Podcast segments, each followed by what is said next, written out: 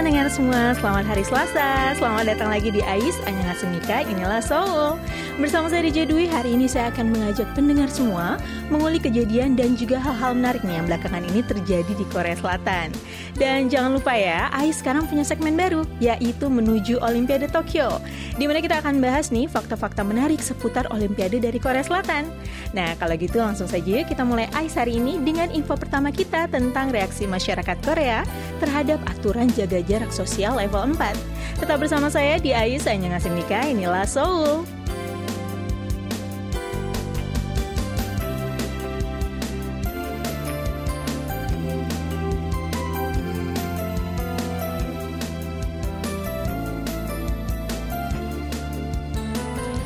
Selatan kini tengah menghadapi gelombang baru pandemi COVID-19 nih pendengar. Sejak hari Kamis minggu lalu, jumlah kasus baru perharinya secara nasional mencapai lebih dari seribu kasus.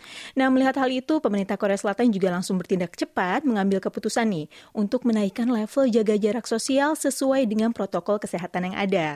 Dan sehari setelah ditemukannya lebih dari seribu kasus baru dalam sehari, pemerintah Korea Selatan langsung mengumumkan akan menaikkan level jaga jarak sosial ke level 4 dan melakukan semi lockdown nih untuk daerah-daerah dengan angka kenaikan kasus yang tinggi seperti di Seoul, di Incheon, dan juga Provinsi Gyeonggi mulai hari Senin kemarin.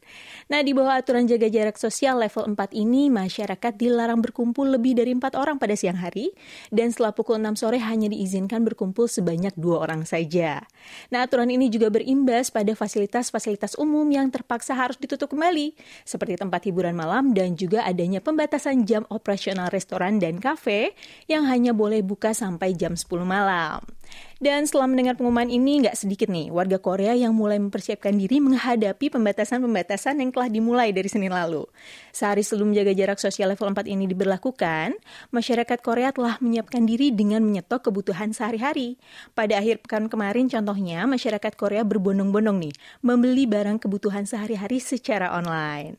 Dan hal ini diketahui setelah sebuah marketplace mencatat adanya kenaikan penjualan lebih dari 20%, terutama pada produk kebutuhan sehari-hari, terutama pada produk makanan instan dan juga air mineral yang angka penjualannya naik secara signifikan. Namun hal sebaliknya nih ya terjadi di toko-toko offline pendengar. Supermarket-supermarket nih yang biasanya selalu terlihat ramai di akhir pekan tampak jauh lebih sepi dari biasanya. Dan bukan cuma itu saja ternyata pendengar, dampak dari diberlakukannya jaga jarak sosial level 4 ini, jadwal pemutaran film dan juga pertunjukan panggung ikut berubah juga. Nah, mengikuti aturan terbaru nih, di mana setelah pukul 6 sore dilarang berkumpul lebih dari dua orang, pengunjung yang datang ke bioskop setelah jam 6 sore pun akhirnya ikut dibatasi maksimal dua orang saja perombongan dan harus tutup pada pukul 10 malam. Kemudian beberapa pentas teater yang biasanya dimulai pukul 7.30 malam akhirnya terpaksa harus dipercepat satu jam lebih awal. Dan untuk pertunjukan musikal, durasi pertunjukannya juga terpaksa harus dikurangi sebanyak 15 hingga 20 menit per pertunjukannya. Dan konser musik nih yang sudah direncanakan akhirnya terpaksa harus ditunda, bahkan dibatalkan. Dan salah satunya adalah acara musik Mistro Top 6 yang dijadwalkan digelar pada tanggal 23 hingga 25 Juli.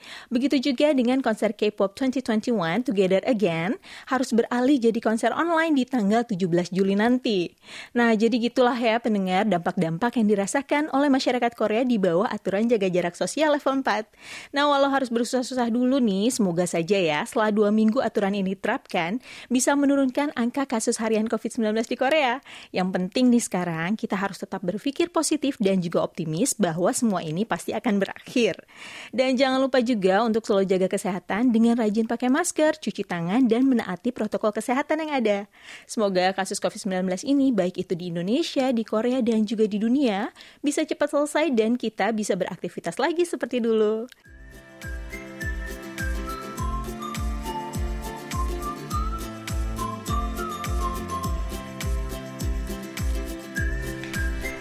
Kelamaan di rumah aja malah bikin kita jadi rajin bersih-bersih rumah. Bener gak sih pendengar? Mau gimana lagi ya pendengar? Sekarang semua aktivitas dilakukannya di dalam rumah. Tapi kalau rumah selalu terlihat berantakan, malah bikin stres ya gak sih? Nah maka dari itu nih, sekarang bersih-bersih rumah sudah jadi kebiasaan baru yang bisa dilakukan supaya rumah selalu terlihat rapi dan juga segar.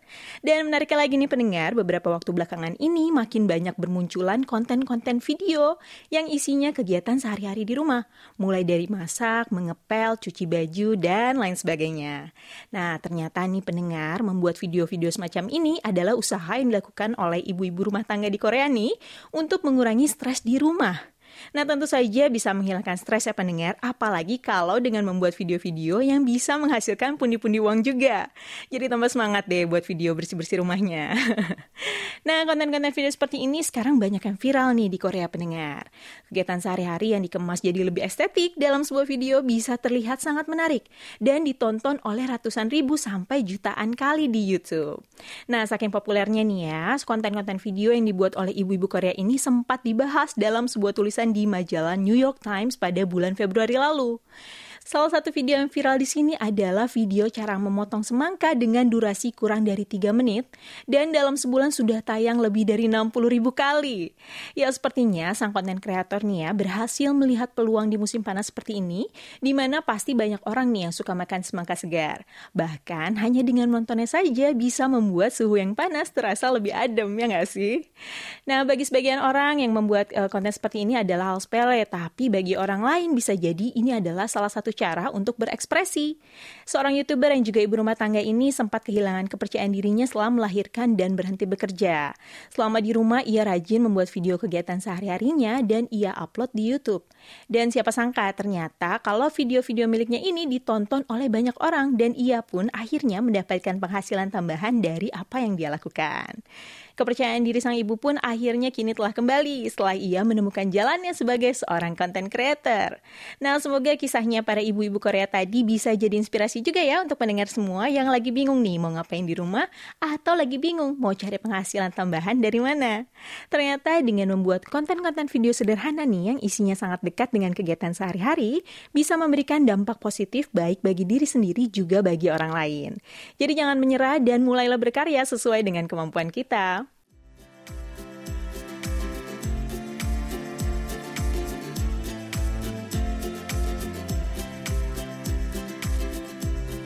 Nah, selebritis yang satu ini bukan bintang K-pop, apalagi pemain film.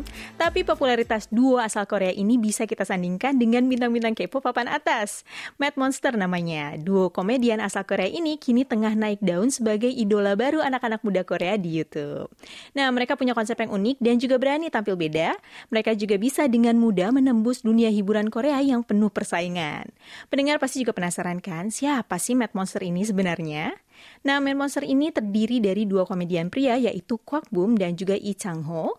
Setelah pandemi melanda, banyak komedian seperti mereka yang akhirnya harus kehilangan pekerjaan karena banyaknya acara-acara komedi di TV yang harus diberhentikan. Sehingga akhirnya banyak komedian yang harus mencari cara nih untuk mempertahankan eksistensi mereka. Salah satunya adalah dengan beralih ke YouTube nih seperti yang dilakukan oleh Kwak Boom dan juga Lee Chang Ho ini. Lewat YouTube channelnya yang diberi nama Bang Songku, dua komedian ini memperkenalkan Mad Monster pada pada masyarakat Korea. Mereka sering mengunggah sandiwara komedi mereka untuk para penggemar. Tapi cara yang mereka lakukan ini sangat unik nih pendengar. Bulan April lalu mereka merilis sebuah single berjudul Main Rudolph bersama dengan musik videonya yang hanya dalam waktu singkat saja menjadi viral. Dan dalam musik video tersebut mereka tampil dengan menggunakan filter wajah yang berlebihan untuk membuat wajah mereka tampak sempurna dengan mata yang besar dan juga dagu yang lancip. Tapi hasilnya mereka malah tampak lucu dan inilah ternyata yang yang menjadi daya tarik tersendiri bagi para penontonnya. Dan di hari pertama perilisannya, Main Rudolph telah tembus sampai 1 juta penonton. Hingga kini jumlah viewsnya di YouTube sudah lebih dari 7 juta kali. Gak kalah ya sama idol-idol K-pop. Bahkan penyanyi J Park pun ikut ngasih komentar nih di videonya ini. Ia bertanya, kok bisa sih lagu ini enak banget didengar? Nyebelin banget deh, gitu katanya komentarnya. nah, Main Rudolph sendiri sempat duduk juga di peringkat 86 tangga lagu musik melon dan ranking ranking 23 di tangga lagu Bugs. Dan supaya makin kelihatan seperti idol K-pop sungguhan nih, Mad Monster juga ikut-ikutan merilis video latihan dance mereka di YouTube. Ada-ada aja ya pendengar, ide dari dua komedian ini. Berkat gaya-gaya mereka yang unik dan filter wajah yang lucu, mereka berhasil memikat hati anak-anak muda Korea yang haus akan komedi-komedi segar seperti ini. Dan meski bukan idol sungguhan nih, Mad Monster juga sudah membuktikan kalau karya mereka juga bisa dicintai dan juga diterima oleh anak-anak muda Korea.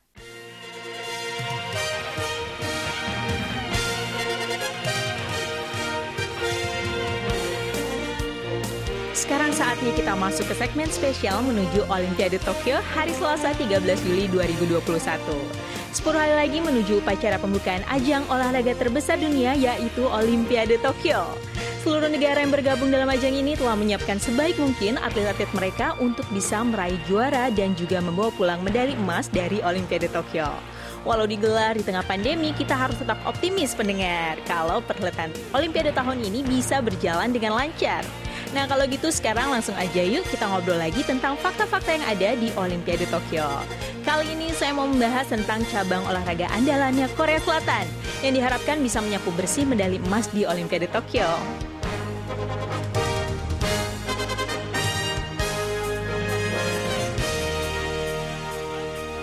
Dalam sebuah ajang pertandingan olahraga besar seperti Olimpiade, biasanya masing-masing negara telah menentukan target terbaik mereka.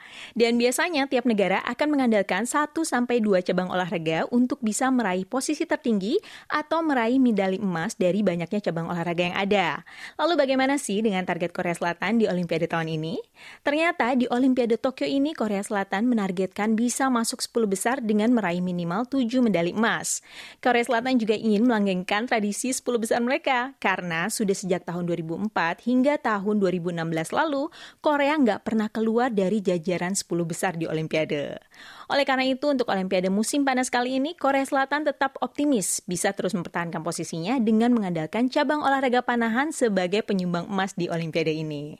Korea Selatan memang sudah terbukti unggul nih dalam cabang olahraga panahan, pendengar. Mulai dari Olimpiade Sydney tahun 2000, lalu di Athena tahun 2004, dan London di tahun 2012, atlet-atlet panahan Korea Selatan telah berhasil membawa pulang tiga medali emas di cabang olahraga ini.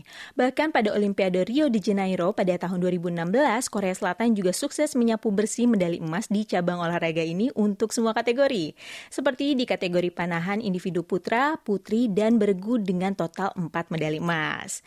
Dan tahun ini Korea Selatan beruntung mendengar karena Korea Selatan bisa punya kesempatan untuk meraih lebih baik emas di cabang olahraga panahan.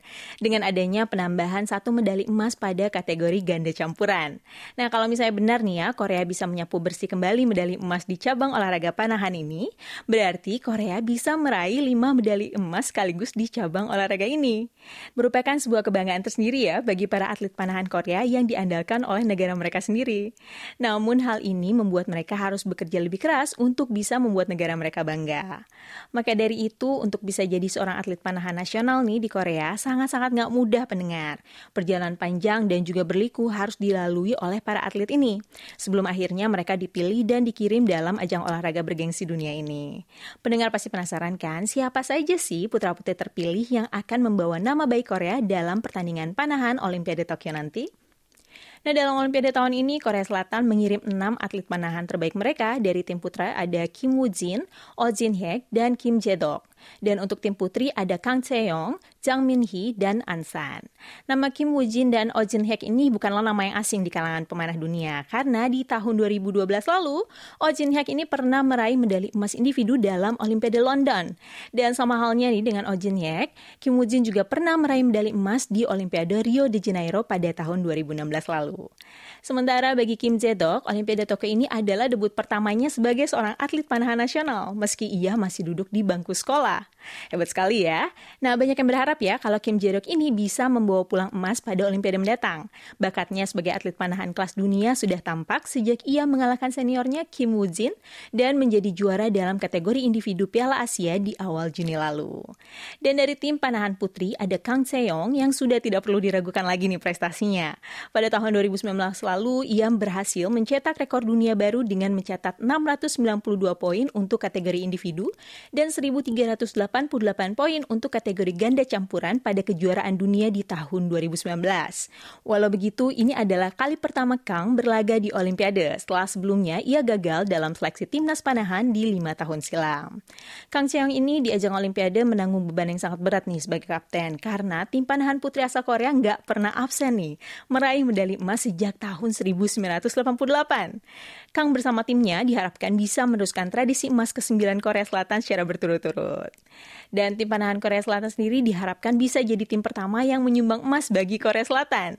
Oleh karena itu, kepala pelatih tim panahan Korea Selatan yaitu Park Chae-sun mengirim pemanah tunggal putra-putri peraih nilai terbaik dalam pertandingan penyisihan untuk bertanding dalam laga ganda campuran.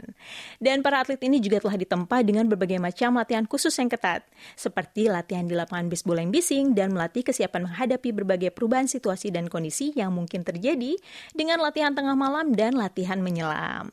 Agar para atlet ini terbiasa dan bisa membaca kemungkinan situasi yang akan terjadi, mereka juga dilatih di lapangan khusus yang dibangun persis seperti area bertanding mereka yang sebenarnya nanti, yaitu lapangan panahan Yume no Shima.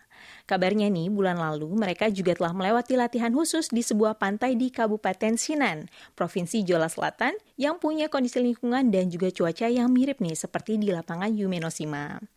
Jadi ternyata sulit itu ya pendengar ya untuk jadi seorang atlet panahan profesional di Korea Selatan. Harus melalui banyak ujian, tempaan fisik, dan juga mental yang nggak perlu ditanya lagi. Yang jelas nih mereka semua adalah putra-putri terbaik pilihan yang telah diberikan kepercayaan untuk membawa nama baik Korea Selatan di Olimpiade Tokyo mendatang. Kita doakan saja ya, semoga target Korea Selatan untuk menyapu bersih medali emas di cabang olahraga panahan bisa terwujud dan bisa melanggengkan tradisi berada di 10 besar Olimpiade.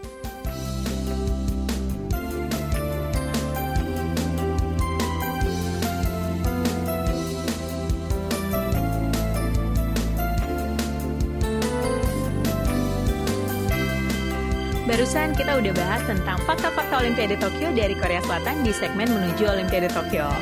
Juga update terkini tentang kondisi pandemi di Korea Selatan dan dari dunia hiburan ada Mad Monster yang bisa bikin kita semua ketawa. Kalau gitu sekarang saatnya saya pamit. Semoga semua info yang saya kasih tadi bisa menghibur dan jadi inspirasi untuk pendengar semua. Saya DJ Dwi, sampai ketemu lagi. Neildo Hamge Heo.